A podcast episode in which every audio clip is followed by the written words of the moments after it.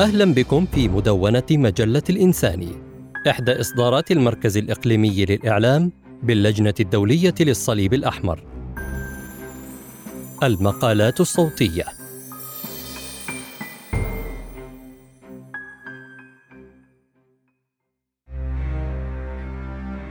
في لبنان الحرب انتهت لكن الحياة لم تبدأ بعد. هنادي سلمان. صحفية لبنانية.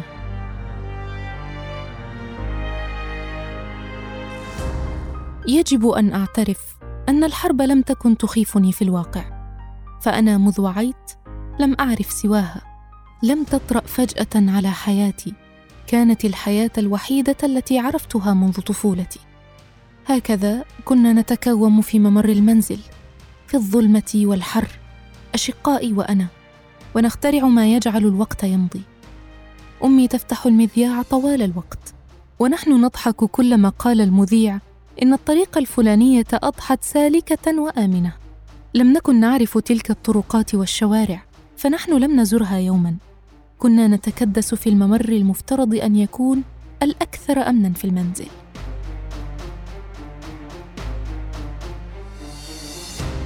كنت أتحايل على أمي وأخرج إلى الشرفة. أقف أتفرج على الشارع الخالي وأستمع إلى أزيز الرصاص من دون أن أعرف أنه يمكن لإحداها أن تخترق جسدي. ثم وحين كانت أمي تخرج للبحث عني كنت أختبئ خلف الباب الخشبي خوفا من تأنيبها وليس من تساقط الرصاص. مع الوقت لم تعد أصوات القصف تخيف احدا. بعيدة كانت أو قريبة. أضحت مجرد إيقاع يضبط وقع الأنهر والليالي. كان أبي الصحفي يغيب عنا لأيام إذ لا الطرقات آمنة ولا عمله ينتهي. كانت زياراته تشكل وميض الفرح الوحيد الذي نعيشه. كنا نتحلق من حوله ونشعر بالقوة والأمان ساعات قليلة كل أسبوعين أو ثلاثة.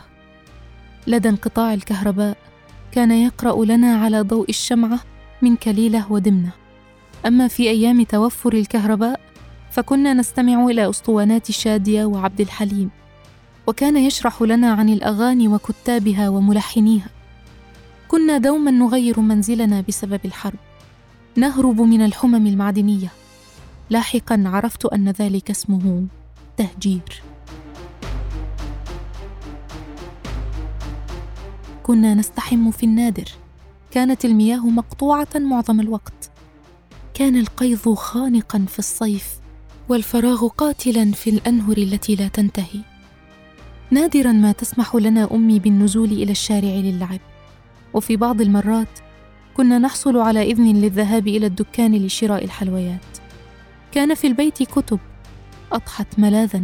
كان يأتينا بعض الزوار من الأقرباء فكنا نعيد.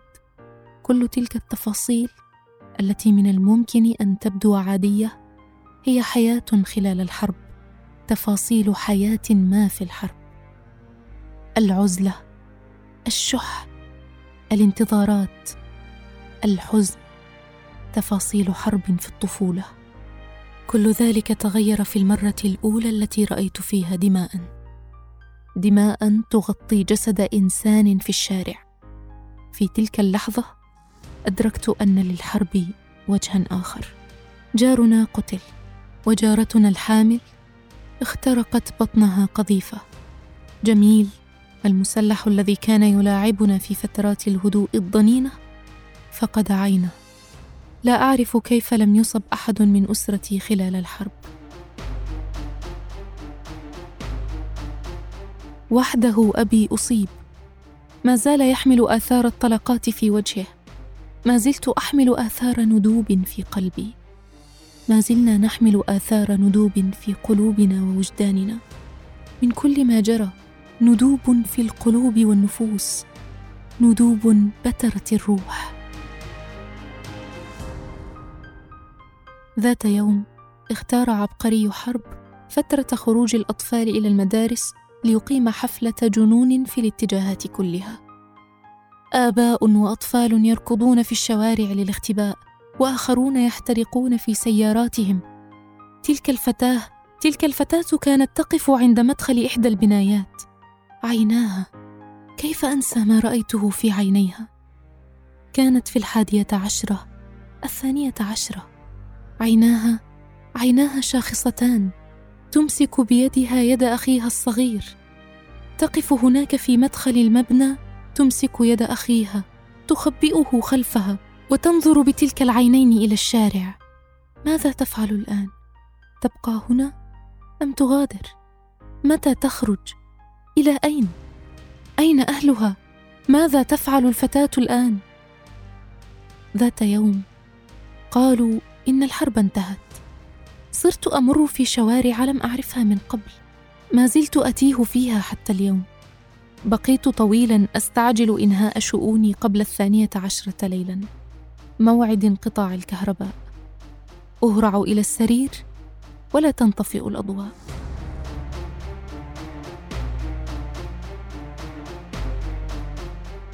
بدأت المدينة تعيد صياغة حياة لها. أتيه في الشوارع. قالوا إن الحرب انتهت إلا أن الحياة لم تبدأ بعد. أنا ما زلت أجلس أنتظر استئناف حياتي حيث توقفت. كيف أستعيد تلك الطفلة؟ أم أن كل ما مضى منذ إعلان انتهاء الحرب كان حياتي؟ ثم فهمت.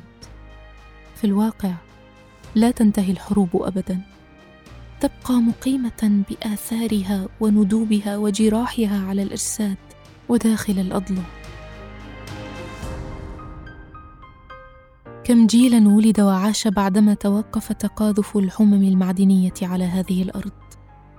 كم جيلا يستسهل اليوم اندلاع حرب؟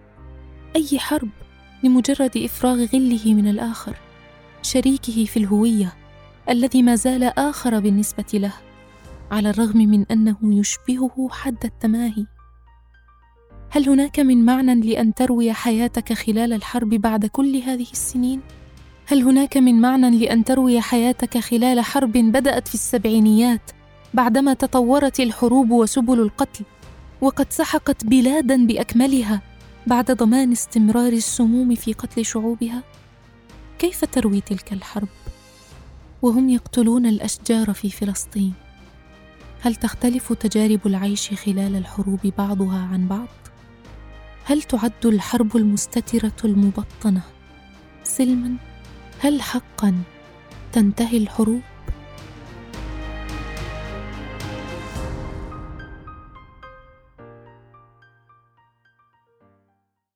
شكرا للمتابعة.